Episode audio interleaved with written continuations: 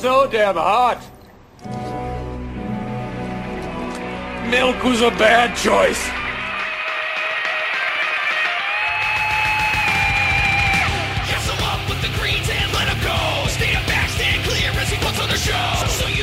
Vi er veldig sinna her i Lolbua fordi sommeren nå går mot slutten. Varmeperioden er over. Vi har kommet til episode 220, og vi er tilbake fra ferie, eller hva, Lars?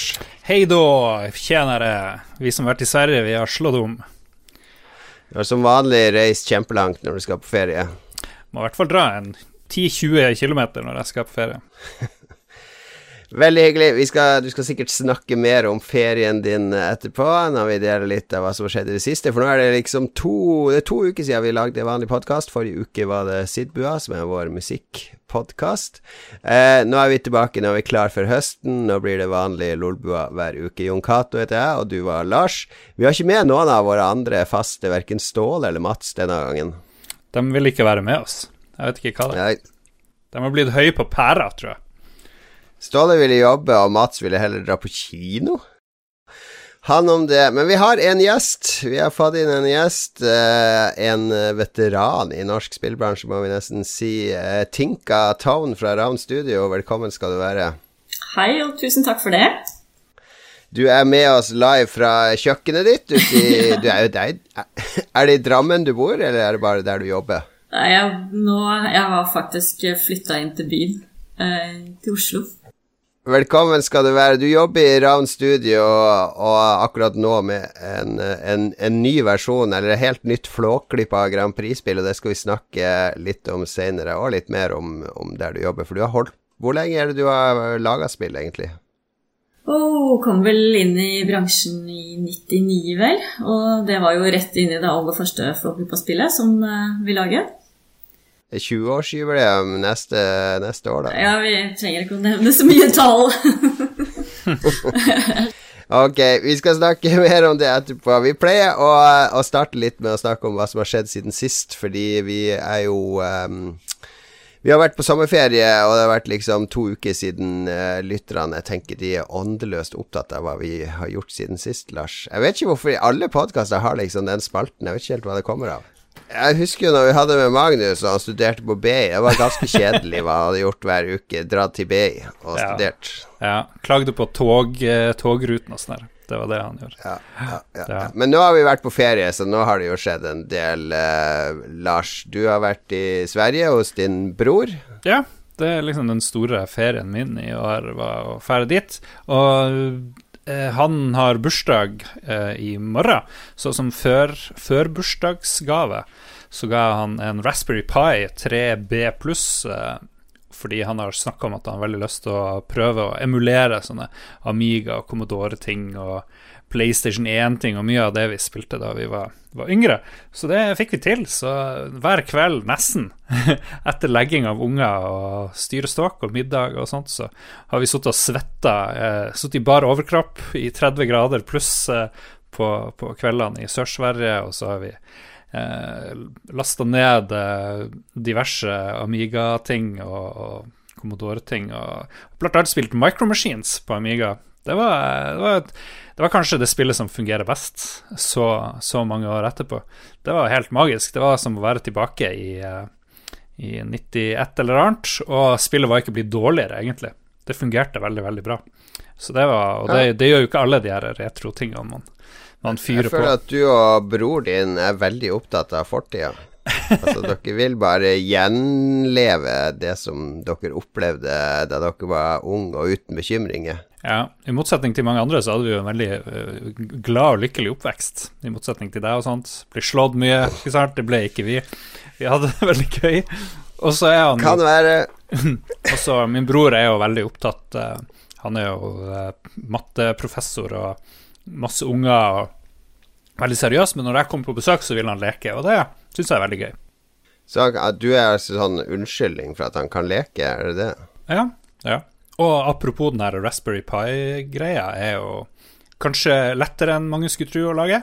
Det er jo en, bare et lite kretskort, egentlig, med noen ja. ting på. Med noen USB-porter og HDMI-port. Og så er det Linux eh, som du gjerne hiver innpå der. Det eh, er mye gnukk. Mye gnukk å få Wifi til å funke, og mye gnukk å få alt mulig til å funke, men når, når, det til slutt begynner å ordne seg, så er det veldig tilfredsstillelse å få gjort det. Men de som sier 'Å, du må ikke kjøpe SNES Mini', og det, 'bare lag det sjøl', det er litt bullshit. Det er ganske mye Det kan være store problemer å få det til å funke. Men er det, Følte du at det var en prestasjon når du fikk det til å funke? Ble, det ble kanskje mer eh, rewarding å spille når du hadde slitt mange timer med å få det til? Jo da, det er jo litt rewarding. Så, men eh, nå var, det, nå var, det, broderen som gjorde det mest, meste tekniske, og så drev jeg og kom med support. Det er godt å høre. Ellers står nå er bror din bare kjedelig igjen, for nå har du dratt. Så nå er han bare ansvarlig og voksen. Ja. Nå har den pakka bort raspberryen til du kommer neste gang. De er veldig seriøse i Sverige, vet du. Så ja. ja, jeg vet. Jeg jobber med svensker. Det har vel du òg, Tinka, vært borti svensker opp igjennom. Jeg syns de er litt mer De prøver å være, virke utad å være mer seriøse enn nordmenn, i hvert fall. Det er det veldig opptatt av. Ja, de er det. Litt mer selvhøytidelig. sånn er det Veldig selvhøytidelig. Har bror din blitt selvhøytidelig, Lars? Vil du si det? Nei, nei, jeg tror ikke det har gått så langt. Jeg håper ikke det. Jeg håper ikke det. Han gjemte jo en gang ved eh, alle dørmattene i oppgangen til vår venn Frank på en fest som han gravde ned i snøen, så ingen hadde dørmatte før to måneder etter, når snøen smelta. Det, har han blitt mer seriøs siden da? Ja, ja da. Jo, det, jeg tror det er Sverige har satt sine spor. Det har det. Ja. Det er godt å høre. Men er du sånn ordentlig onkel? Fordi det, her, det blir mye om det her, da. Men er du sånn Fordi det, det er jo sånn som jeg forventer av barnløse søsken eller noe sånt som er på besøk, hvis de er på lengre besøk, at da sier de nå i kveld skal du og kona di bare gå ut og bestille fin middag på restaurant, nå skal jeg ete av barna. Bare kom dere ut.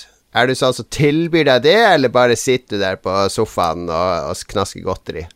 Nei, det, det, er kanskje mye av det siste, men uh, de, det, jeg vet ikke. Den er jo så liten, der, den ungen, så den må jo ammes hele tida osv. Så, videre, så det, det, er ikke så veldig realistisk. Du tar flaske barn. Det der kan jeg alt om. Skal jeg skal bli med deg neste gang, Lars, så skal vi være barnevakt. Jeg kan ta min Jeg har jo vært også på ferie, men jeg har ikke vært hos eh, noen søsken. Jeg har vært i Spania, i mm. Estepona, i to og en halv uke. Det er ca. én uke lenger enn jeg trenger å være i Syden. ja, det er, for, det er lenge. To og en halv uke? Hva er det for noe? Ja, det er altfor lenge. Altfor lenge. Jeg er jo en stuegris. Min ferie vil jeg ha foran datamaskinen. Mm. det er synd å si, men jeg er 45 år. Hvorfor Jeg kan jo Hvorfor Du kommer en gang til en sånn alder der det er liksom Der du burde slutte å skamme deg over hva du egentlig liker, og, og slutte å late som at uh, du liker å gå på ski og på tur i skog og mark og sånne ting. Helt enig. Bare, bare være ærlig. Men uh, akkurat Syden, det har jeg aldri vært noen fan av Syden. Det er tror jeg 13 år første gang jeg var i Syden. Men det var jo 50, 50 grader da dere var nede i Syden, var det ikke det? Det må jo ha vært et helvete? Nei, så ille, ille, var det ikke. Vi, det er på kysten, så det var helt greit. Men jeg var i Estepona, og så var det en sånn dagstur i Afrika. Det er så veldig gøy å si at du har vært i Afrika, fordi det er jo bare 52 land, eller noe sånt. Jeg var i Marokko på dagstur, så det var jo akkurat som Spania, egentlig. Bare noen kameler og litt, litt andre ting. Uh, og så farta vi Det blir jo fort sånn her du drar på stranda, og så drar du til svømmebassenget, og så sitter på verandaen og leser en bok, og så tar vi sånn utflukt til en by der, bare fordi vi må finne et sted som det tar en time å kjøre til, for da føles det som vi er et annet sted. Og så var vi i Malaga, og så var jeg ute og spiste en kveld med svigerbroren min og en venn av han eh, i Puerto Banus. Der var vi i partygata i Puerto Banus. Det er kanskje et av de verste hølene jeg har vært i Europa når det gjelder Oi. Eh, dop og prostitusjon og, og forferdelige utesteder og, og grusomme engelskmenn som er ute og fester, engelskmenn på 20 år som bare skal slåss og drikke og dope seg. Det var ganske Jeg trodde det verste stedet var der Kos, hvor det er norske russ. De er ikke russ i år, de er russ i neste år. Så drar de ned allerede ja. nå, og så skal de begynne å slåss og drar og knekke beina på hverandre og sånn her. Det er jo det tror jeg må være den verste plassen. Faktisk. Det er sikkert. Det er, det er et eller annet som skjer nede i varmen der, og i disse eh, gatene som er tilrettelagt bare for å bli dritings, mhm. at folk, eh, folk takler det ikke på, på et eller annet vis. Men ja. uh, eh, men vi, vi, gikk i den gata da, og det var jo ingen steder vi hadde lyst til å gå, helt til vi fant en sånn karaokebar som var nesten tom. Og der eh, fikk jeg mm. jo synge Ace of Spades og uh, Jump Around med House of Pain, og det var gøy. Det var bare jenter som sang ABBA, og så var det jeg som sang eh, metal og hiphop. Så da koste vi oss. Så, nei, Syden er det du gjør det til, men det er ikke, i hvert fall ikke når du har hatt sånn sommer som vi har hatt uh, i år, uh, Tinka, så er det ikke så stort behov for å dra til Syden. For det, det har vært varmt i Sør-Norge i år. Ja, det har det. Det var helt unødvendig å dra til Granca for oss også. Eh, men vi ja, for... hadde en liten uke alene, vi to voksne, for en gangs skyld. For første gang. Mm. Så vi eh, havna i Las Palmas. Vi var litt, litt mm. seint ute, så det ble en litt sånn hastig avgjørelse, men eh, vekk skulle vi. Um, mm. Og det var egentlig overraskende bra. Vi bodde midt på stranda. og Alt er veldig ordentlig og ryddig og avslappende. Så jeg trengte mm. bare totalt timeout. Har du vokst opp med sånn sydenferie? Er du sånn sydenferiebarn? Fordi det, jeg føler at det var mye mer vanlig for folk i Sør-Norge å dra til Syden. For oss i Nord-Norge så kosta det jo like mye å komme seg til Oslo. Du måtte til Oslo ja. først, og så videre til Syden. Så det ble så utrolig dyrt å reise dit. Ja, ikke sant. Men, veldig mange av vennene mine gjorde det, men vår familie har aldri gjort det. Jeg har eh, vokst opp på sjøen i båt siden jeg brukte bleie, tror jeg. Langt ja. nedover norskekysten og svenskekysten. Først motorbåt, og så ja. Ah. seilbåt. Så jeg må trekke til vannet når det er fint vær og varmt. Kan du seile og alt sånt? Kunne du eh, håndtert en litt større eh, seilbåt? Jeg skulle ønske jeg kunne si det, men eh, det var så veldig lettis, for faren min var så flink, så han bare gjorde alt. Jeg, men jeg er veldig god fokkeslask og vinsjegorilla og liker meg best på dekket, mm. egentlig. Du vet eh, Adrian, eh, en av mine designere på jobb, han, han, har, han bor jo i en seilbåt om sommeren. Så mm. Eh, han, han, seiler opp og ned norgeskysten hele tida. Så her ser jeg for meg en videoserie med deg og Adrian og et par til i seilbåten. De erfarne spillutviklerseilerne i Norge. Ja, ikke sant. Kanskje jeg kunne lært å seile òg. Det hadde jo vært fint. Nei, vi skal spille litt musikk, og så skal vi snakke litt om uh, det nye Flåklypa-spillet som Ravn Studio lager, og hvem Ravn Studio egentlig er. Her kommer Lightforce med Rob Hubbard.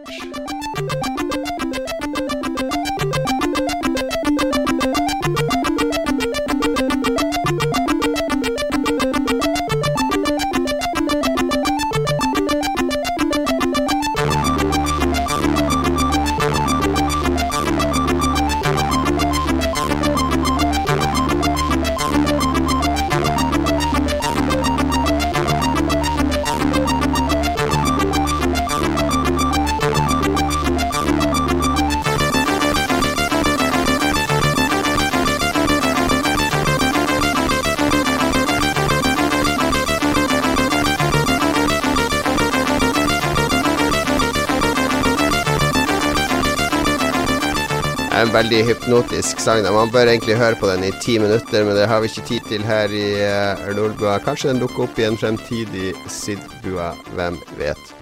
Ravn Studio, de holder til eh, på Drammen. Jeg husker første gang jeg besøkte de, det var vel når jeg jobba for Manual, tror jeg, i, eh, i 2000. 2001, kanskje. Eh, kom jeg ut med mitt eh, fotoapparat, med min notisblokk, for å lage en reportasje om Ravn Studio. Holdt dere til oppe i loftet på et, et, et eller annet bygg sør for elva, husker jeg.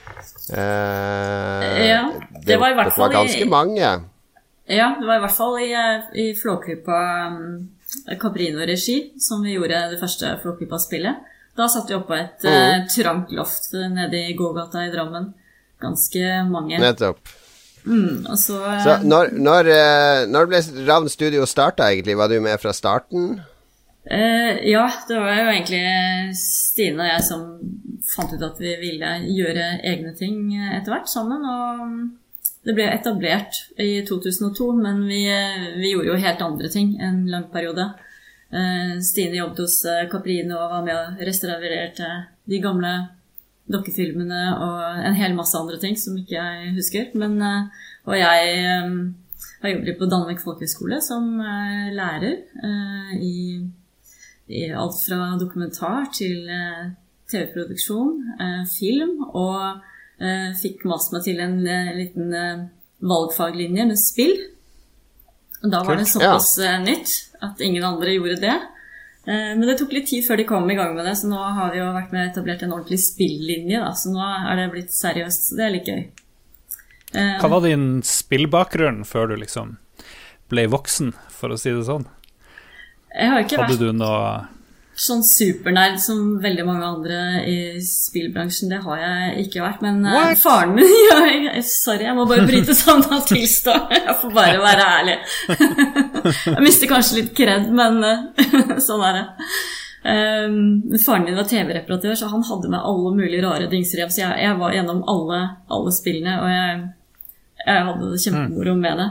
Ehm, men eh, det ble mer medie, mediefokus på meg og, og, den type ting. Og så eh, kom jeg inn i e-læring eh, med en gang etter universitetet.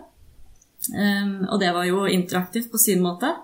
Mest spennende var kanskje å drille alarmsignaler. Det var liksom så interaktivt som det ble. Nærme spill. Ehm, og så så jeg at de holdt på med Flåklypa-spillet i Drammen, og da kjente jeg at det hadde jeg kjempelyst til. Og da, da bare åpna seg en helt ny verden. Eh, hvor det blir mye, mye spilling og eh, mye Ja. Helt ny mm. form for interaktivitet og, eh, som, som, drar deg inn. Og kan brukes til så mye rart. Kult. Følte du at du måtte liksom spille noen klassikere liksom for å for å utdanne deg sjøl, eller følte du at nå vet jeg hvordan jeg vil at ting skal være? Eh, i utgangspunktet, på et vis. Ja, jeg, jeg, tror ikke man er nødt til å tygge seg gjennom alt som fins, før du kan begynne å, å, å gjøre mm. bra ting, faktisk. Uh, men det ble jo litt, også, og den aha-opplevelsen som jeg hadde akkurat uh, helt i starten der, var jo at uh, jeg fant ut at det fantes 3000 spilltitler for gutter og 10 for jenter, eller noe i den uh, duren. Så, ja. så, det var også litt motivasjon til å gå inn og gjøre uh, eh, Har lyst til å lage bra spilleopplevelser for, uh, for både gutter og jenter.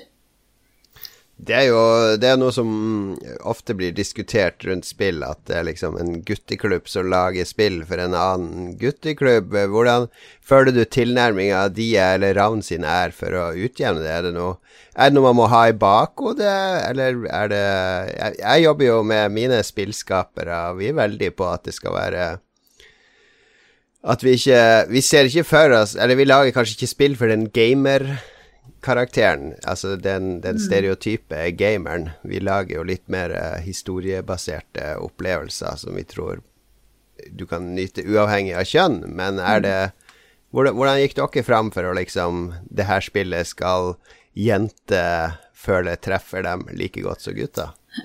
Jeg, jeg, tror ikke det var sånn helt bevisst eh, altså at vi jobba målrettet mot det. Men eh, det var jo litt annerledes den gangen, Jan Cato. Det er noen år siden vi snakker om her. Og nå er det jo ja. en helt annen balanse, og det er veldig, veldig godt å se. Men når vi eh, starter med 'Englekrasj', som var det første spillet i Ravne-regi, så, så, hadde vi jo to karakterer, og, og de var jo likeverdige. og eh, jentefiguren. Det var en gutt og en jente. Frans og Fia. Og Fia var jo faktisk litt sterkere enn Frans. Litt tøffere. Litt mer sånn Pippi-figur. Så det, mm. det, det har nok vi klart å påvirke. I den grad. Ja, og Pippi, Pippi selvfølgelig var gøy å gjøre. Ja, dere har laga spill eh, det, det har jeg jo sett på track recorden deres, at dere har laga veldig mange spill basert på lisenser, alt fra mm. Pippi Hippie og Gråtass-traktoren og eh, veldig mange andre lisenser. Hvordan, hvordan, er det å jobbe med lisenser? Hva er den vanskeligste lisensen å jobbe med? Jeg vet f.eks.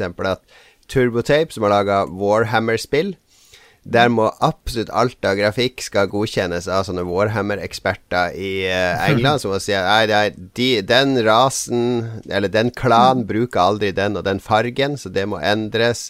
Eh, de ville ikke hatt på seg sånne sko, det må endres. Sånn, er, det, er det noen Hvordan er det å jobbe med f.eks. Caprino og Flåklypa? Er de veldig strenge med hva dere kan og ikke kan gjøre?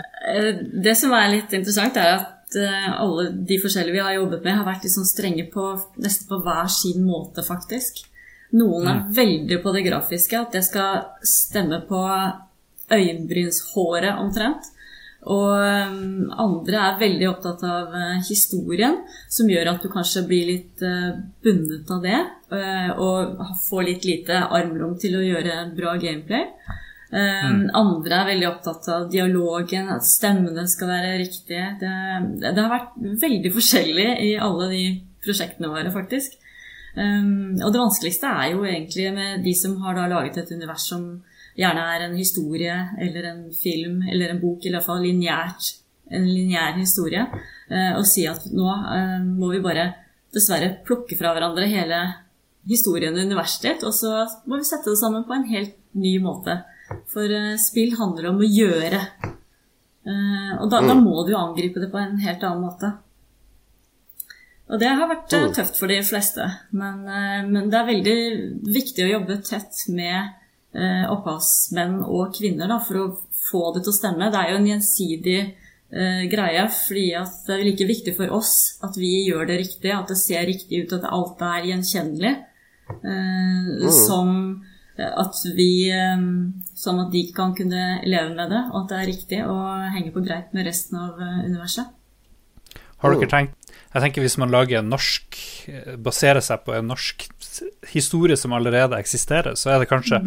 litt vanskelig å få det ut til resten av verden. Jeg vet ikke, Eller tar jeg feil der? hvor liksom hvor lett er det å Det er kanskje lettere å selge mye flåklyper i utlandet, i motsetning til jeg vet ikke, andre ting? Tar jeg helt feil her, eller?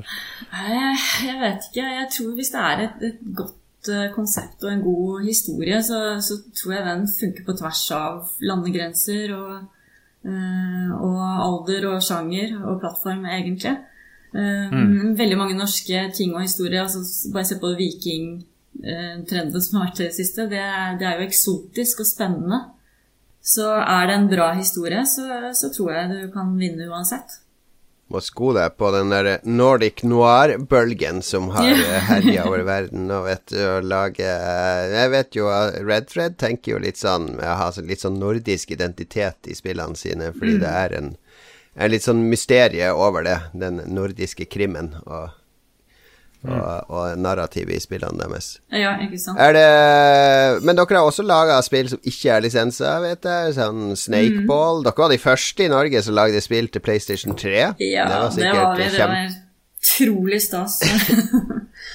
Det var sikkert eh, Var ikke det, var ikke det litt sånn gnukk Er det sånn uh, komplisert teknisk? For den maskinen var vel ikke bare rett fram og, og lage Nei. ting til? Nei, det var ikke det. Og en av grunnene til at eh, vi fikk muligheten til å gjøre det, var jo fordi en del av de programmererne som vi jobbet med, hadde jobbet både direkte med Sony og med, med tredjepartsselskaper. Så, så de, de, visste at eh, vi kunne takle det, teknisk sett.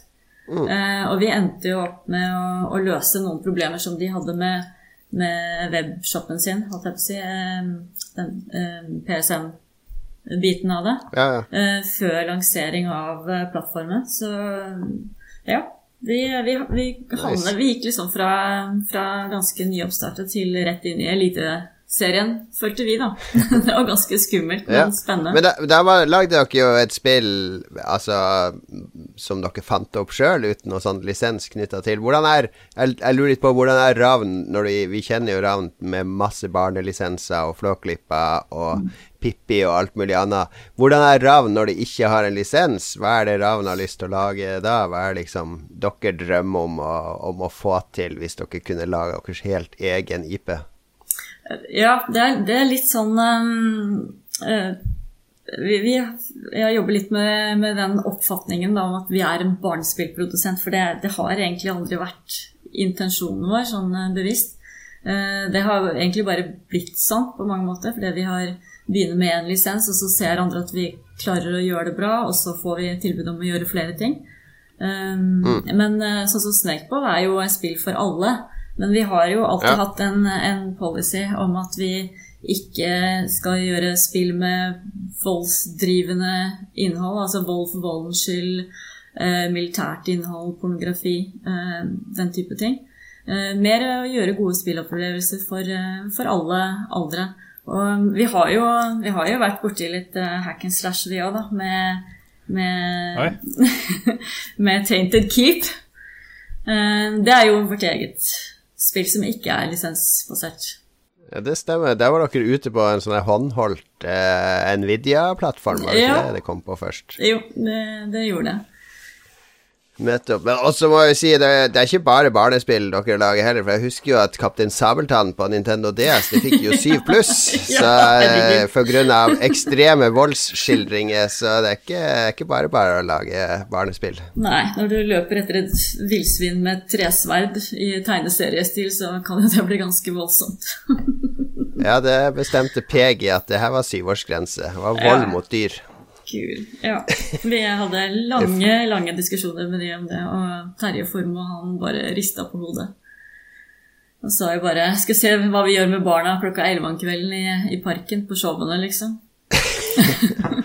Ganske håpløst. Men nå er det Flåklypa, altså gjerne for yeah. dere. kan yeah. vender tilbake til den. Og, og, dere fikk litt støtte fra NFI i vår, mm. eh, mhm. som gjorde det mulig å sette i gang med et helt nytt Flåklypa-spill. Og det gamle Flåklypa, det var vel en samling med sånn minispill der du skulle sortere post, og så var det sånn racingspill som var sånn top down, sånn, litt sånn som Micromachines, som du snakka om tidligere, Lars. Yeah.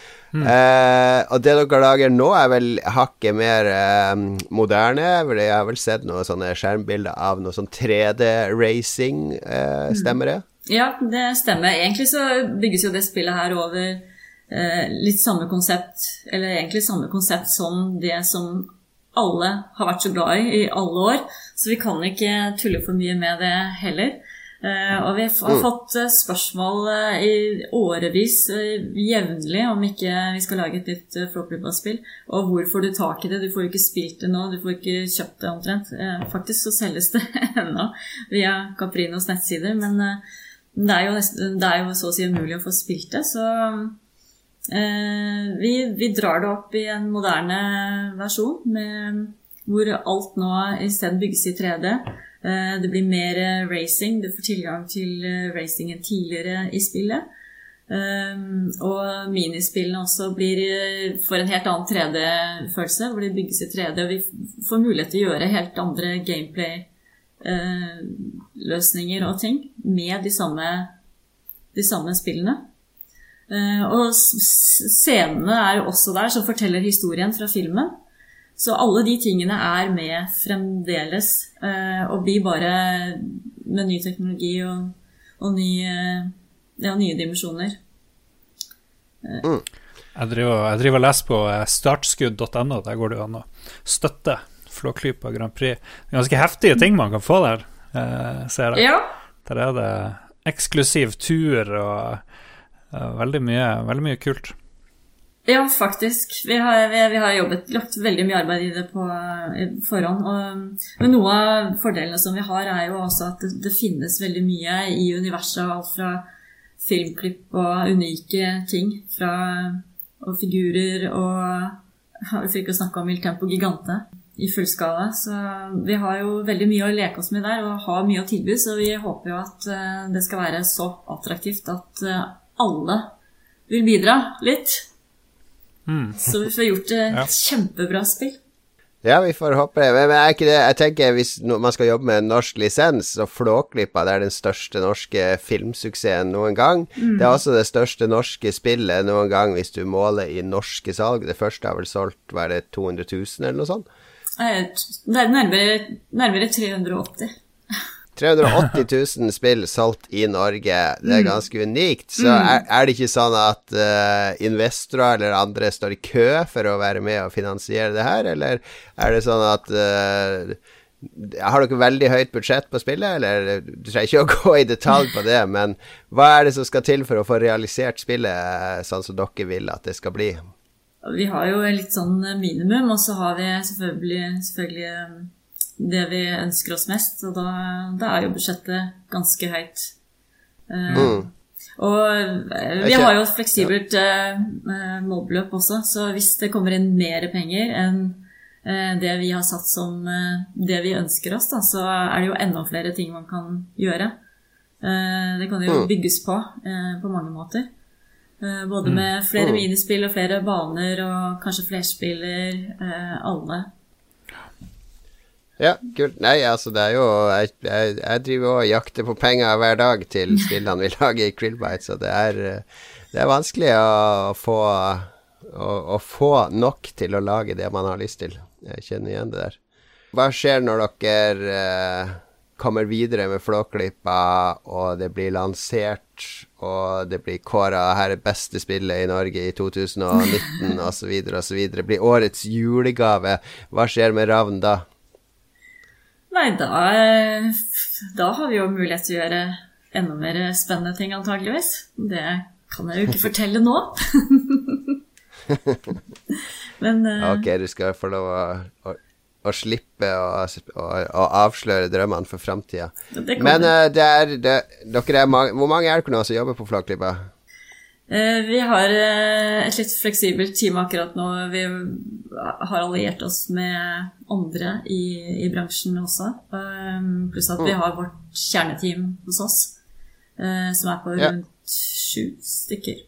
Pluss en del frilansere og sånn. Vi, vi, vi, trekker jo på de vi, de vi trenger underveis. Jeg har hørt mm. rykter om at uh, på Ravnkontoret så går det, er det kun uh, eh, Flåklypa-soundtracket hele dagen, ganske høyt på, så alle skal ha inspirasjon.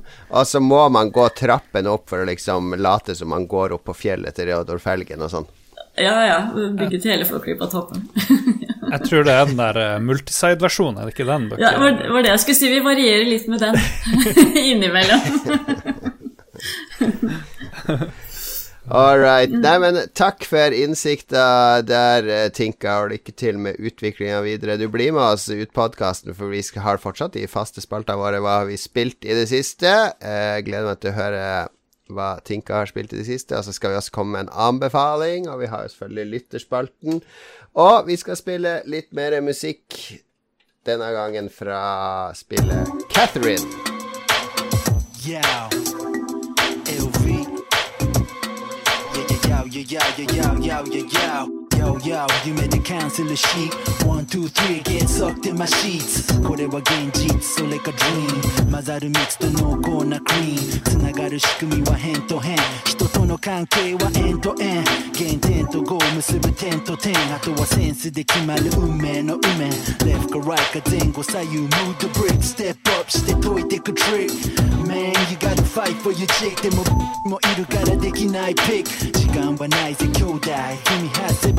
兄弟そんなショータイム登れるとこまで登ろうかい後戻りはできないこの後悔ビッグなハウスにビッグなカーがなくても案外引っかかる押したり引いたりして落とせる頂上目指してやつ射止める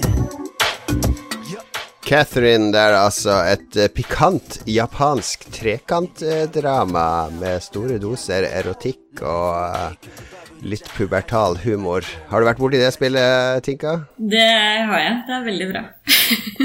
veldig bra. Jeg kjøpte sånn collectors edition av det. Det kom det med en bokseshorts og et putetrekk. What? ja, de er, de er, litt mer dristige på den måten, syns jeg, eh, japanerne. ja, jeg syns det, det er veldig spennende. Å... Ja, det var et veldig spennende spill. Et veldig rart konsept og veldig ja morsomt gjennomført. Ja, det har jo den, blandingen med blanding litt sånn story og litt, eh, litt sånn minispill-type ting, det også. Eller plattform, ja, ja, ja. plattformspill, kanskje, mer.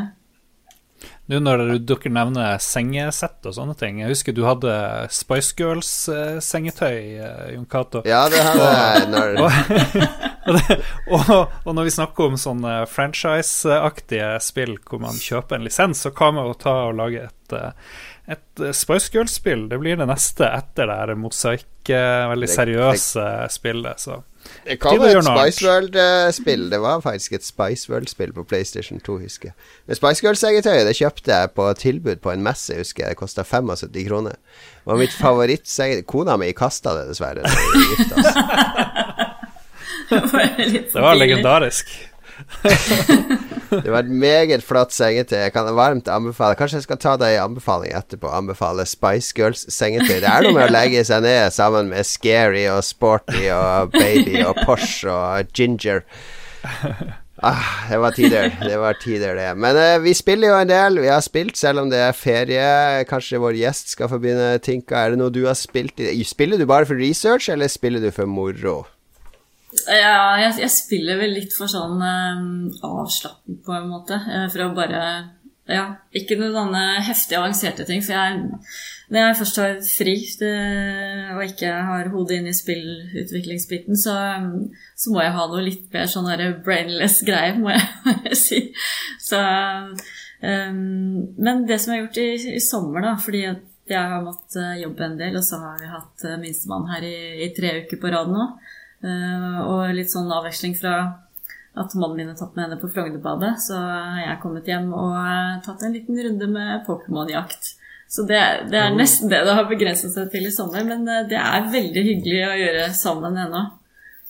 Mm. Hun, det er det gode, hun... gamle Pokémon Go på ja, mobilen? Ja, ja, ja. Vi er, vi er ute og går tur. Ute, ute på jakt så kom vi oss litt ut. Det er ganske mange som spiller det fortsatt, og det har jo fått en del oppdateringer som har gjort, uh, gjort det mye bedre. Ja. Uh, som jeg nevnte innledningsvis, så var jeg jo en, en dagstur til Afrika, og der var det en venninne av min kone som skulle være med utelukkende for å prøve å fange de afrikanske eksklusive ja. ja, jeg husker ikke hvor jeg var hen, men uh, jeg, det var litt skuffa over at det var akkurat de samme Pokémonene som var der òg. Jeg var ganske langt Eh, hjemmefra. Men, eh, men, nå er det jo kommet en del eh, nye også, så det er, det er mulig å finne noen nye spennende. Og mannen min syns det er så pinlig når vi går og holder på med datteren min og jeg, at han vil ikke være med eller går 20 meter foran. Driver dere og går, tar dere over sånne gymmer og sånne ting? og prøver ja, Jeg er litt, kanskje ikke så flink til det, men det er, det er mest morsomt å gå på jakt, altså. Jeg kom meg aldri så høyt opp eh, at jeg liksom følte jeg kunne begynne å yppe meg mot de som hadde tatt de der gym-greiene, men eh, Nei, eh, når du kommer litt bakpå, så er det litt vanskelig å ta igjen. Mm. Nå, nå, har de også innført sånne raids der man kan gå sammen, ganske mange, om å, om å raide gymmer og sånn. Ja, ikke sant. Det, ja. det blir et nytt sosialt aspekt til det. Det kan jeg komme tilbake til i anbefalingen. ja, ok. Oh, oh, oh. Ja. Det, det, det, blir bra. Det blir bra. Eh, jeg kan ta min, eh, Lars. Jeg, jeg, hadde jo med meg selvfølgelig switchen til Spania. Jeg drar jo aldri mm. på lang ferie eller hyttetur eller noe sånt uten switchen. Den er jo en helt fantastisk eh, spillmaskin sånn sett. Ja. Og um, vi har jo masse spill på Switchen. Jeg hadde lasta ned en del på forhånd, men uh, han er to De to minste ungene er de som spiller mest på den. Han minste, han vil bare spille Rocket League. Og han uh, på ni, han vil bare spille Fortnite. Så det er litt kjedelig, de to spillene, hele tida da. Uh, så jeg driver Og så kom det et spill i sommer som heter Go Vacation fra Namco Bandai. Det er egentlig et VU-spill. Det er sånn multiplayer Play Det, det er sånn blanding av Mario Party og uh, Skyrim. ah. Liksom, du har en gigantisk åpen ferieøy så du kan utforske fritt til fots. Og så Rundt på den øya så er det ca. 50 sånne minispill som alle er multiplayer. Det er sånn ferieaktiviteter, så det er Du kan liksom kjøre vannscooter, du kan kjøre skateboard, rulleskøyter, leirdueskyting, slalåm, mm. fallskjermhopping eh, Vilt mange forskjellige sånne små minispill. De er veldig enkle å styre, de fleste av de, eh, og hele spillet er veldig sånn der eh, Eh, noen ganger jeg spiller, eller, Vi spiller jo så mange polerte spill eh, hvis du spiller mye sånn trippel A-spill, så du blir vant til ganske gode, flotte opplevelser. Men det her er veldig sånn budsjett. Du merker at det er et budsjettspill. Så de har tatt snarveier her og der i kontrollen og grafikken og alt mulig sånn. Og det er så mange steder jeg tenker åh, hadde de brukt litt mer tid og polert der litt mer, så hadde det vært helt genialt. Men det er akkurat bra nok. og det, det jeg merka, var at Hæ? 50 spill, da. Det er jo helt ko-ko. Ja, ja, ja. Men, men der, av og til så er bra nok faktisk bedre enn helt perfekt. Fordi jeg ble veldig sjarmert av det spillet her, og alle ideene som ligger bak. Og litt frustrert over at jeg ikke hadde mer budsjett og mer tid og kunne gjøre det til sånn enda bedre og mer polert opplevelse. Så, og vi spilte fire player, da, så vi løper rundt og, og rir på hester i lag og, um, det, noen av delene minner litt om California Games og sånn, sånn som surfinga, der du skal surfe på en bølge og sånn. Så tenkte, fire, fire, player på en skjerm, det var kjempeartig å samle medaljer. Og så får, får du sånn hus som du låser opp etter hvert, så du kan møblere sjøl, og eh, masse sånne småting. Så det er vel litt dyrt. Koster 400, så, som jeg syns er litt mye for en sånn VU-port. Men har du kids, de kommer til å elske det. De ja, ungene de spilte ikke annet i tre døgn. De, de, de, sto opp ekstra tidlig for å fortsette å jakte på medaljer. Så Go Vacation på ja. Switch eh, var overraskende moro, selv om det ser helt crap ut. Det er jo veldig billig hvis du deler 450 kroner på antall aktiviteter. Alle Timer, ja. Så blir det jo jeg og broderen spilte, spilte Summer Games, eller var det World Games? Jeg husker ikke. Hvor det var klippestuping henne? Uh, det er World Games. World Games. men det er jo en sjarm. Det er jo ikke så veldig god de spillene der heller, men det er en viss sjarm å liksom prøve å, å, å gjøre seg flink i det lille du kan gjøre, for det er veldig lite. du har veldig få valgmuligheter. Så da går det kanskje litt fortere å bli god også, siden, uh, siden, du ikke har så mange ting du kan gjøre, egentlig. Mm, jeg har eh, som sagt spilt eh, masse retro-shit med min bror, men da jeg kom hjem fra ferie, så lot vi eh, Tekken 1 ligge og sånne ting. Vi tok heller og dro frem der eh, nyoppdaterte No Man's Sky. Det har jo kommet en sånn, sånn next-oppdatering. Og jeg har jo gått glipp av den forrige oppdateringa, som jeg ikke husker hva heter. Men det var vel mer eh, Du kunne bygge mer baser og tjoei. Ja, ja. No Man's Sky var jo det skandalespillet som kom, mm. som var så hypa under Sony, som veldig mange ble skuffa og veldig sinte på. Og så har de jo bare fortsatt å patche og oppdatert og patche og oppdatert, og lagt ja. til innhold. Så nå skal det liksom være det spillet det opprinnelig var. Og er det så magisk som, som mange vil ha det til? Mm, det føltes ut som et annet spill nå, for jeg har ikke spilt det på to år. Så siste savegamet mitt var høsten 2016, og da hadde jeg vel spilt det noen måneder etter release og blitt litt lei, for det var jo ikke ja. noe å gjøre. Jeg hadde liksom fullført nesten alt du kunne gjøre. Jeg hadde gjort den der Atlas-questen hvor du kom frem til en sånn rar ting i verdensrommet, og så skjedde det et eller annet uforståelig. så jeg hadde, på ene sida så hadde jeg liksom gjort alt du kunne gjøre i spillet. Også, og var veldig kjent med det, men nå så ble jeg kasta inn i et spill hvor alt, nesten alt utstyret jeg hadde, ikke fungerer lenger. Det bare sto 'outdated technology' eller noe sånt i inventorien. Så måtte jeg bare scrappe det, så jeg hadde ingenting oppgraderinger i mitt multitool, som er den her kombinerte mining-laseren og angrepsvåpenet som du bruker, så den måtte jeg liksom begynne å bygge opp på nytt. Og skipet mitt var veldig begrensa, og romdrakten min var begrensa. Samtidig så var alt inventaret mitt stappfullt av drit jeg ikke huska hva jeg brukte til, eller hvorfor jeg hadde, eller noe som helst. og, hadde det ikke vært lettere å starte på nytt?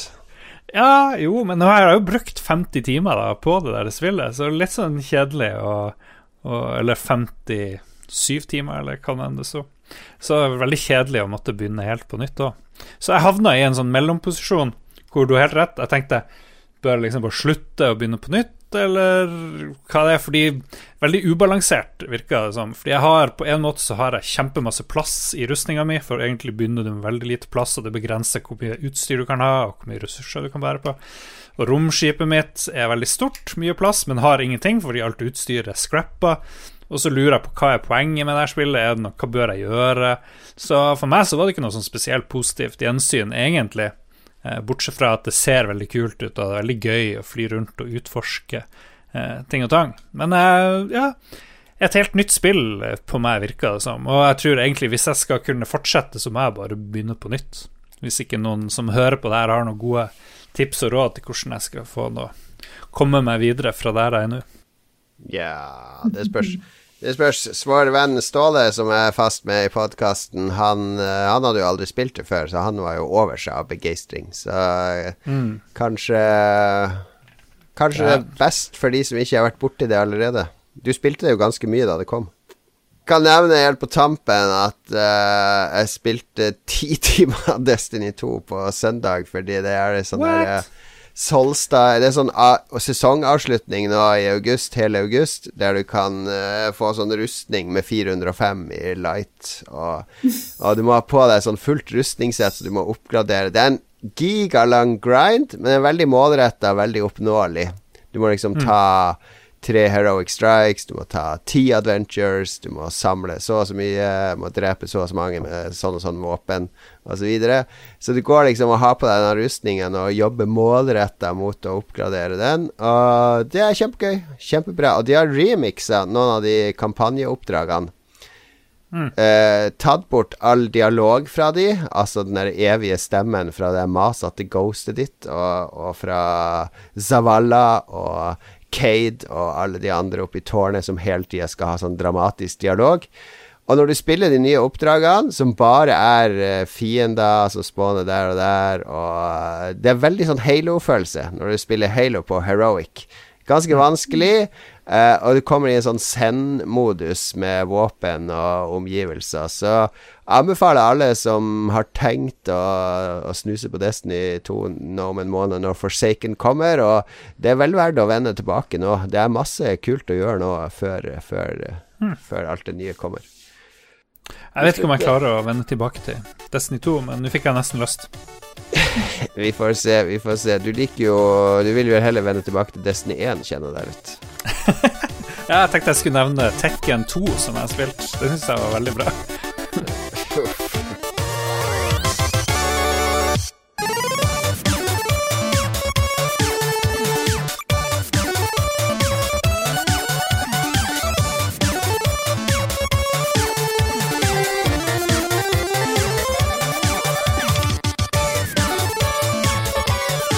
Det var Frogs Team der fra Krono trigger. Eh, en eh, tragisk skjebne i et spill. Vår stakkars venn eh, frosken. Ridderen som ble forvandla til en frosk. Vi skal uh, som vanlig anbefale ting. Lolbua har som mål å være en positiv podkast som uh, hver gang du hører på Lolbua, så skal du få med deg et par gode tips om ting du kan ta med deg inn i livet ditt for å gjøre livet ditt enda bedre. Uh, ikke bare spill. Vi har snakka om spill. Nå skal vi anbefale andre ting enn spill. Fordi det finnes så mye fint og godt og hyggelig og koselig i verden som du kan ta inn i den mørke stua di, nå som høstmørket står og banker på døra, og vi alle skal inn i høstdepresjonene, så er det masse ting du kan gjøre for å holde de på avstand. Lars, hva er det du eh, har sett på i det siste? Jeg har sett på en helt vilt bra, kanskje min favoritt-TV-serie i år og i fjor. Eh, den er på HBO og heter Sharp Objects. Eh, I år, og, vent, vent, vent, I år og i fjor, men ikke i forfjor. For i forfjor så du en som var bedre. Det var en veldig spesifikk avgrensning, men ja, greit. Bare det var sett. jeg anbefaler eh, Sharp Objects med og Amy Adams. Hun har vært med i The Arrival og gjorde en veldig bra rolle der. Og hun har en veldig veldig bra rolle her som journalist, hvor hun drar tilbake til hjembyen hvor det skjer noe drap på unge jenter. Og hun kommer hjem til sin egen familie, som er veldig, veldig rar.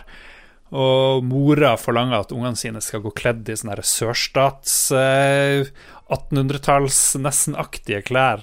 Så i starten så begynner jeg å lure på hva er det slags verden vi er i, men det bare er litt sånn at karakterene er veldig, veldig merkelige og gjør mye rart. Jeg vet ikke om dere noen gang har vært hos en bestemor eller på besøk hos noen, så har huset vært helt annerledes enn det dere liksom er vant til. Eh, kanskje fra en annen tid, eller det er mye, mange ting som dere ikke kan relatere til, og det blir litt sånn overveldende, så dere må kanskje referanser som ikke jeg er vant til å se, egentlig. Så, Men det føles som du beskriver sånn fan, at det, du kommer inn i en sånn drømmeverden, eller er, føles det som at det mm. er Virkelighet. Bare, bare du kan, det, du kan kanskje kalle det en slags drømmeverden, fordi også regien er ganske spesiell. Den, den sier ikke alltid ting med ord, men gir heller eh, slags flashback fra eh, enten denne karakteren eh, sin barndom Det er veldig mye barndom, da, og og i tillegg til nåtid, men det forklares ikke helt hva det er vi får se, før etter hvert, kanskje. Så det lesses på med veldig, veldig mye visuelle uttrykk, både eh, gjennom stilen det formidles gjennom, men også det eh, i omgivelsene til karakterene. Hmm. Tenk at du som har litt bakgrunn fra TV og film eh, og sånne ting, ble du, føler du, ble du nysgjerrig av Lars sin beskrivelse her? Ja, den tror jeg kanskje vi må ta en titt på. Jeg ser faktisk mye film. Eh, jeg får ikke sett så mye serier. Det føler jeg at jeg ikke har tid til å gå inn i. Jeg blir litt sånn stressa av at det tar så mange, mange mange timer og mange sesonger. Ja. og sånn. Um, så det, er det akkurat sånn jeg har det òg, Tinka. Det er akkurat sånn jeg har det òg. Så føler jeg også mange serier ja. som varer i sånn 15 timer. Det kunne vært fortalt på fem timer. Du trenger ja, ikke dra det så langt ut. Nei, det kunne det også. Dere kommer ikke til å angre på den her. Det er bare åtte episoder, og så er sesongen selvstendig. Ja, men det, det høres helt perfekt ut. Det er liksom overkommelig. Eh, ja, den gleder jeg meg til å ja. se, faktisk. Sharp Objects eh, heter den. Sharp yeah. Objects på HBO. Heter den uh, 'Hjelp, vi leker med kniver' på norsk? Nei, nå ser jeg at hun er, hun er litt norsk, hun der Amy Lou Adams, hun som spiller hovedrollen. Så det lover vi bra. Uh, raised by a Mormon family i Castle Rock, Colorado. Så faktisk vokste ja, opp i Da har jeg en kjennskap til tingene. Eh, ja, mm. kult. Det er en annen serie på HBO som jeg har sett på. Den skal jeg ikke anbefale, men det kan vi snakke om en annen gang. Fordi jeg skal anbefale en bok jeg leste i sommer som heter Slow Horses, skrevet av Mick Nick eh, Herron, som er en brite. Uh, og det handler om uh, et sted som heter Slow House, altså Slow S-L-O-U-G-H. House, eh, som er et sted Hvis du jobber i MI5 og er spion, det er jo veldig spennende. Altså, hvis du fucker opp på jobben, så har MI5 funnet ut at da er det bedre å sende deg til Slow House enn å ta alt papirarbeidet med å gi deg sparken, for i Slow House der sitter alle fuckups i MI5, og så blir de tildelt sånn verdens kjedeligste arbeidsoppgaver, som å gå gjennom 20 000 eh, parkeringsbilletter for å se om de finner et mønster, og kryssjekke de med registreringsnummer til biler som mistenkes å tilhøre terrorister, osv.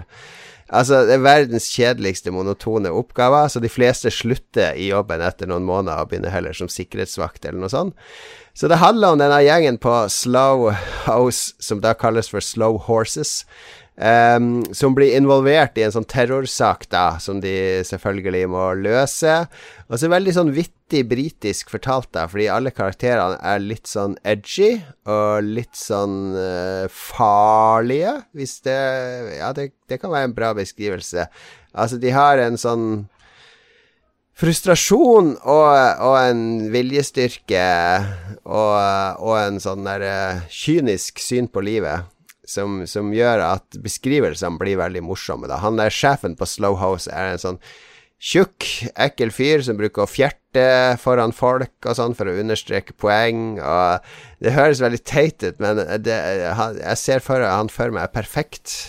Han er frekk i kjeften, og alle tror han er verdens største idiot, men så han var jo med under den kalde krigen og var spion da, så han har utrolig mye erfaring og vet alltid hva han driver med. Så det er, det er, en litt sånn annerledes spionroman. Spionromaner handler jo ofte om sånne veldig flinke, gode spioner som eh, mm. Som eh, tar disse livsfarlige oppdragene. Mens det her handler mer om sånne losers som prøver å, å gjøre det godt igjen, så at de kan komme tilbake inn i varmen.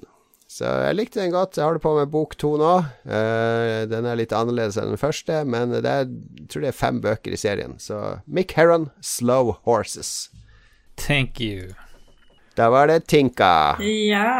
Jeg har vært veldig, veldig usikker. Og dere har jo gjort sånne blomstrende, fantastiske beskrivelser av disse tingene.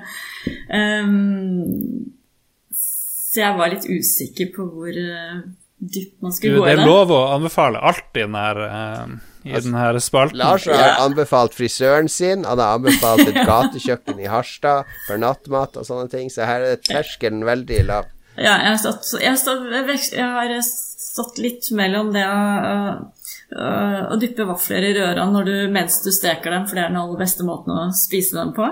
Eh, Her må du forklare. Det har jeg aldri hørt om. Nei, da, da, har du virkelig gått glipp av noe i livet. så altså. Det er det beste som er. Så du steker vafler ja. Og så tar du av et hjerte, og så, så dypper du hjertet i røra, og så spiser ja, du den. Og så spiser jeg. Så når jeg er ferdig å steke vafler, så er jeg ferdig å spise vafler. Nei, det var den totalt useriøse nei, nei, nei, det her er, det her gull. Heller du, heller du, syltetøy og rømme ned i røret òg, liksom? Ikke noe syltetøy og rømme. Jeg har ikke noe der å gjøre. Bare spistekte vafler og røre. hva, hva, er forskjellen på en vaffel som du da spiser uten å dyppe den i røret, og når den er dyppa i røret? Hva er det røra tilfører? Det er jo, Hvis du er, liker litt sånn deig og sånn, da, så er det bare helt himmelsk.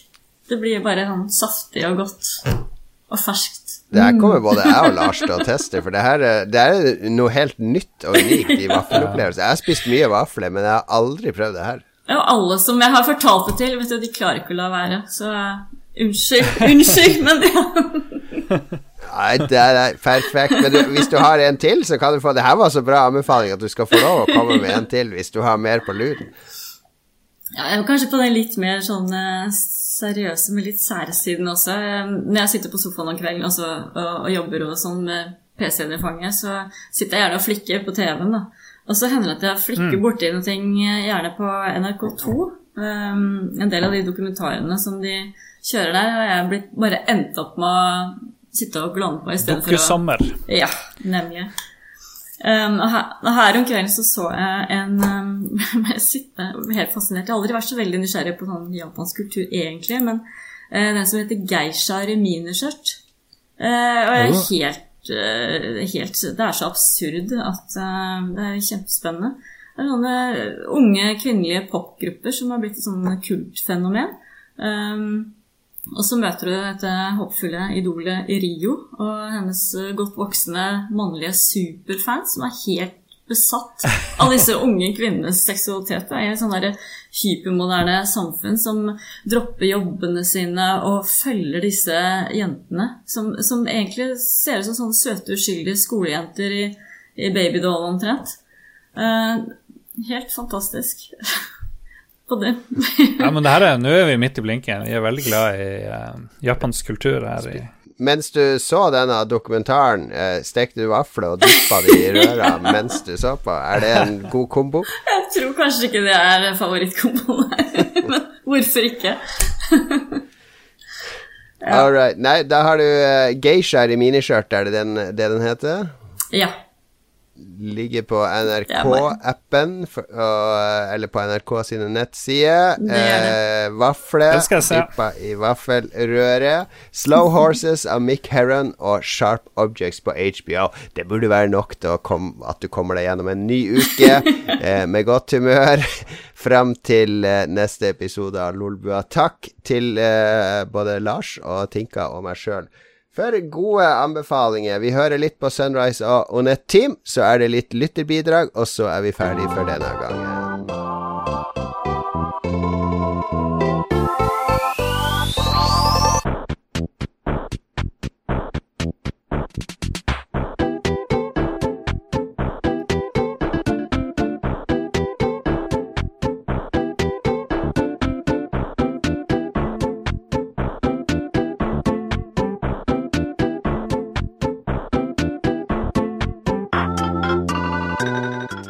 Sunrise og Onet Team fra spillet Earthbound. Eh, veldig bra spill på Super Nintendo og VU. Uh, eh, så det var veldig korte, korte, musikkbidrag vi fikk fra de her uh, spillene i dag. Jeg er redd for sånn MDMA takedown. Uh, ja, det. det er det. Uh, lytterspalten vi, Du spurte Hva var det du spurte lytterne? Vi spør jo alltid lytterne om om et eller annet uh, i forbindelse med hvilken gjest vi har, eller tema, eller noe mm. annet. Hva slags vinkling var det du fant denne gangen? Var det Drammen, eller var det Hva var det, Lars? Jeg spurte folk hva var bakgrunnen til Tinka sitt navn. Uh, nei da, det gjorde jeg ikke, men det, det må jeg jo få svar på først. det er ganske uvanlig navn å hete. Nummer én, Tinka. Ok, det er ikke så uvanlig, men Town. Hvis du setter de sammen, Tinka Town, hva er, hva er Guds navn? Eh, er det, er det et alias? Er du en superhelt? Eller har du kreative foreldre? Hva er det som skjer her? Ja, All the above. Nei, jeg har ikke kreative foreldre. Men eh, jeg heter, jeg heter Katinka. Og eh, begynte å bli kalt for Tinka da jeg var sånn rundt 15, så det har vel vært det hele veien. Og så mhm. dro jeg på college i USA og eh, lovte alle at jeg ikke skulle finne meg en amerikaner. Det gjorde jeg ikke. Oh. Men jeg fant en canadier, og det var ikke så mye bedre sånn praktisk sett. så, og han ah. het Town til etternavn. Eh, så okay. sånn var det.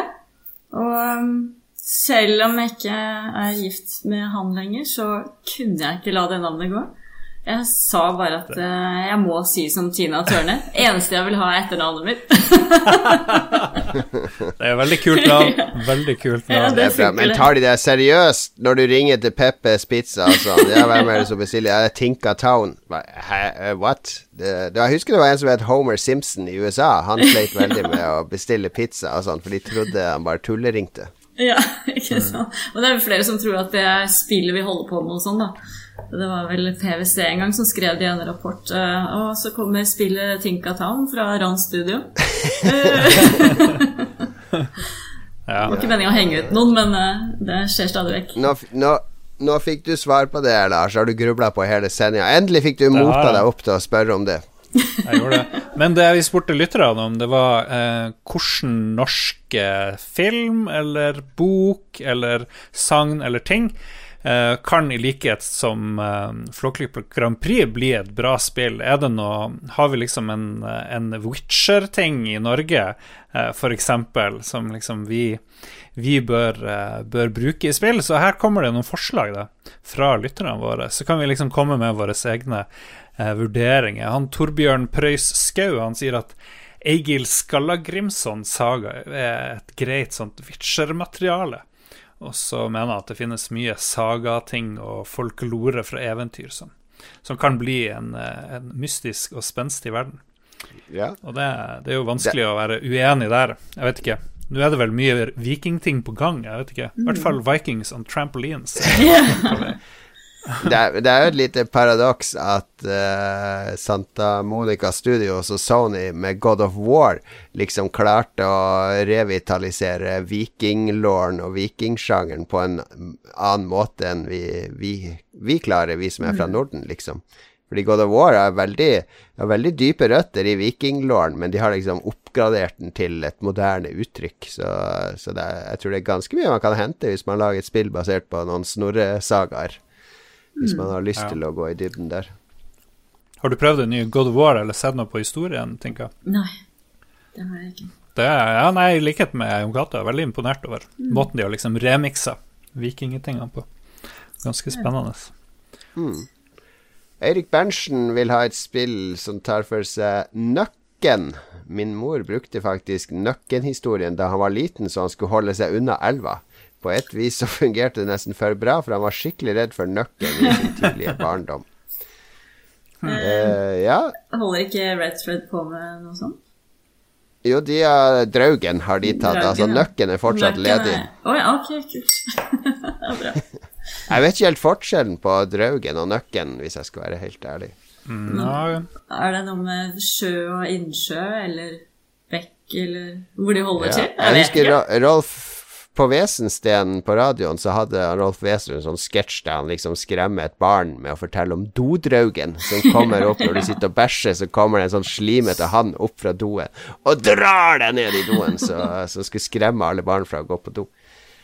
Han har hørt om. Draugen eh, forekom i sang langs kysten av Norge. Jeg tror han var i havet og, ja. og drev og styrte på der. Og eh, Nøkken er vel mer en sånn ja, i, kar i en elv? er han ikke Ja, innsjø, tenker jeg. Så svarte tjern og sånn. Ja, ja, ja, ja. Jeg skjønner at det er en mytologi her som kan gjøre seg i et spill. Han, eh, Morten Lund Olsen mener Gjest Bårdsen eller sagaen om isfolket kunne gjort seg i spill.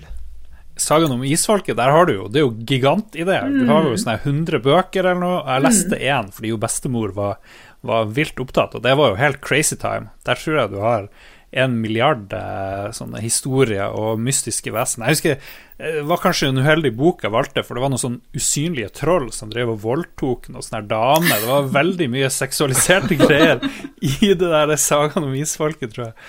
Men jeg tror det kan være Der har du knallidé. Ja. Ja. Veldig bra. Har du lest de, Tinka? Det er jo ja, litt sånn eh, kvinnelitteratur. Ja, jeg hadde jeg leste en del sånne serier da jeg var liten. Helse den hele Jalla-serien på 16 bøker og sånn. Jeg tygde meg gjennom en del sånn. vinner mm. mellom hestebøkene. Hvordan skulle, sånt, eh, hvordan skulle det her bli spill, tenker, tenker jeg på da. For jeg har ikke lest ja. de bøkene, men det er, kan det bli noe annet enn noe sånn pek og klikk, eller?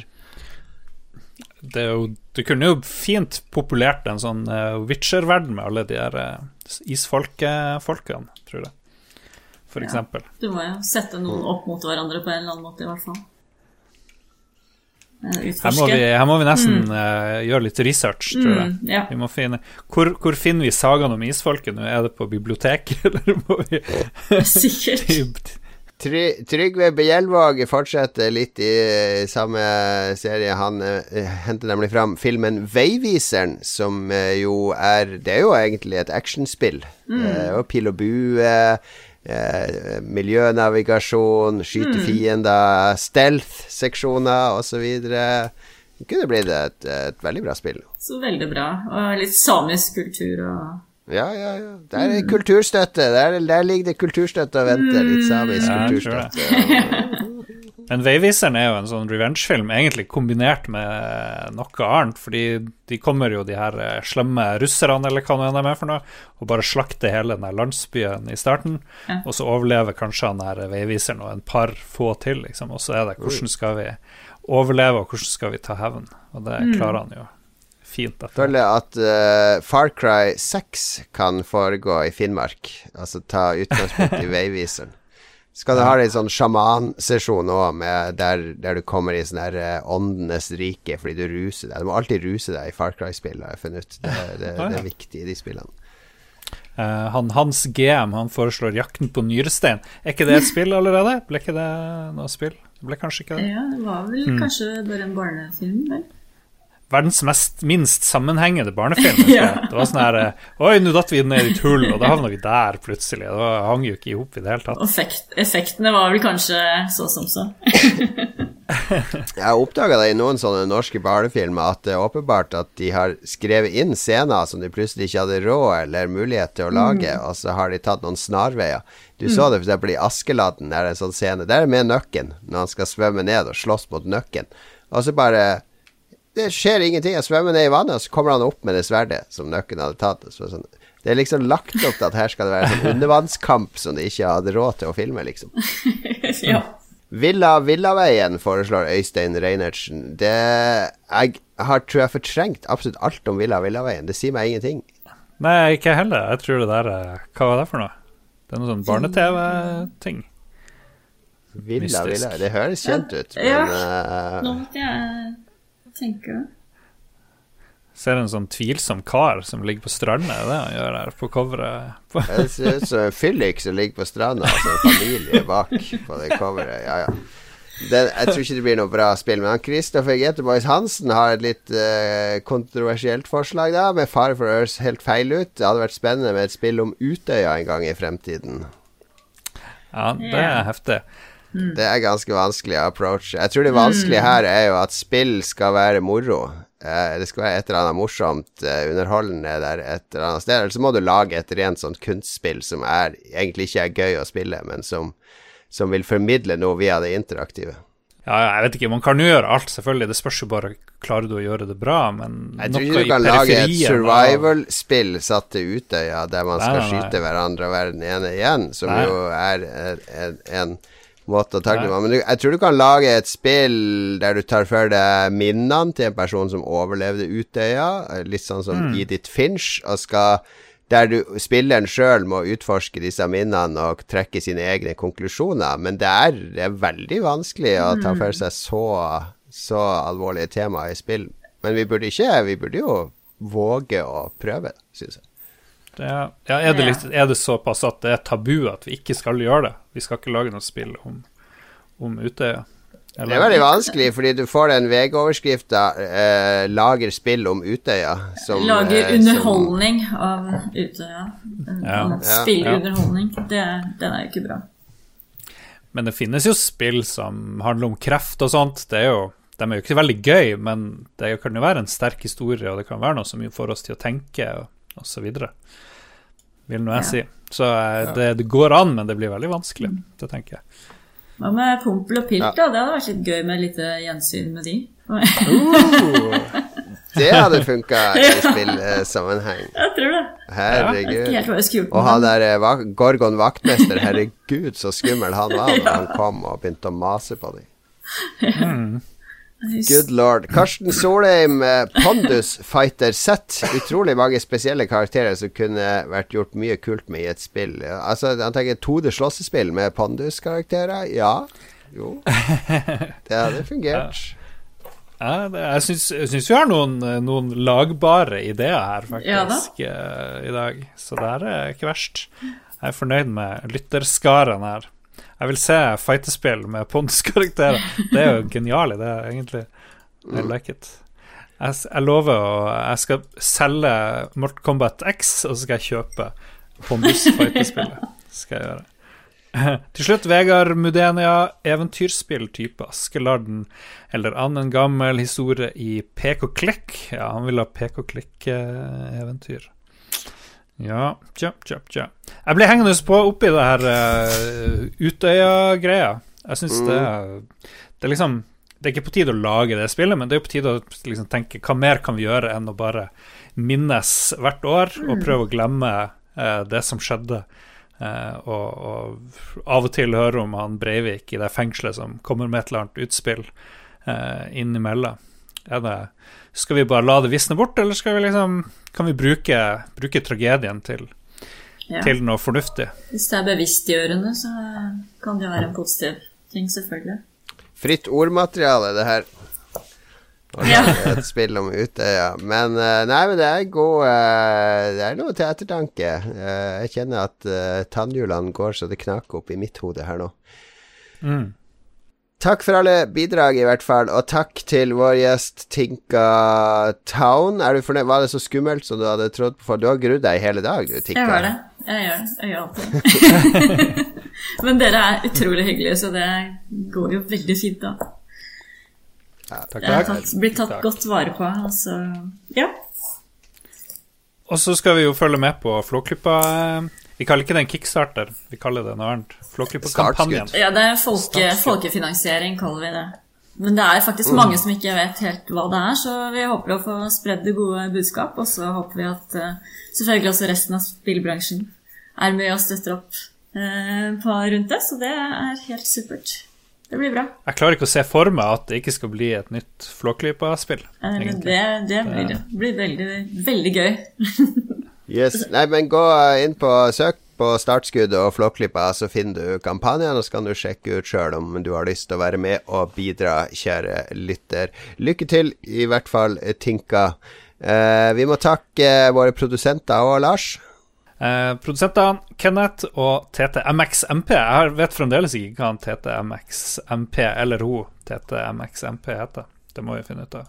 Det, det har, vi, har vi muligheten til.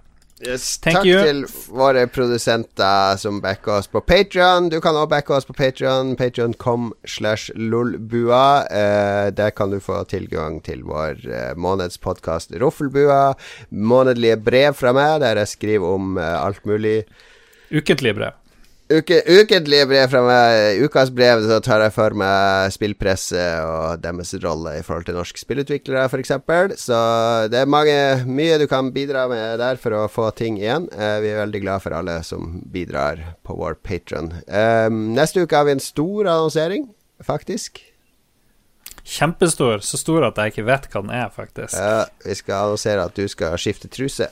Nei da. Hvis det kommer en stor og seriøs eh, annonsering neste uke, det kan du bare glede deg til. Lars sitter som et stort spørsmålstegn nå.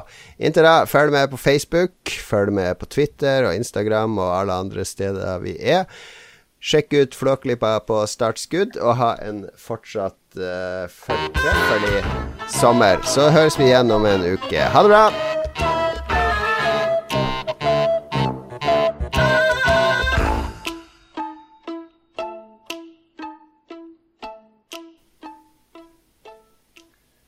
All right, da var vi ferdige. Hva var slags musikk? Det var fra Tearaway på slutten der. Ok det var nesten litt sånn pomplepilt av det. ja. det passa veldig bra. veldig bra. ok, da kan vi stoppe lyden.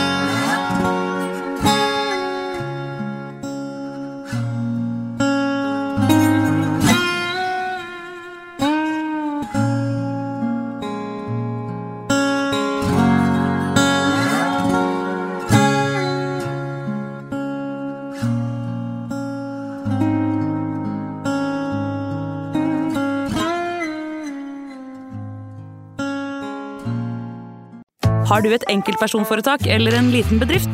Da er du sikkert lei av å høre meg snakke om hvor enkelt det er med kvitteringer og bilag i fiken, så vi eh, gir oss her, vi. Fordi vi liker enkelt. Fiken superenkelt regnskap.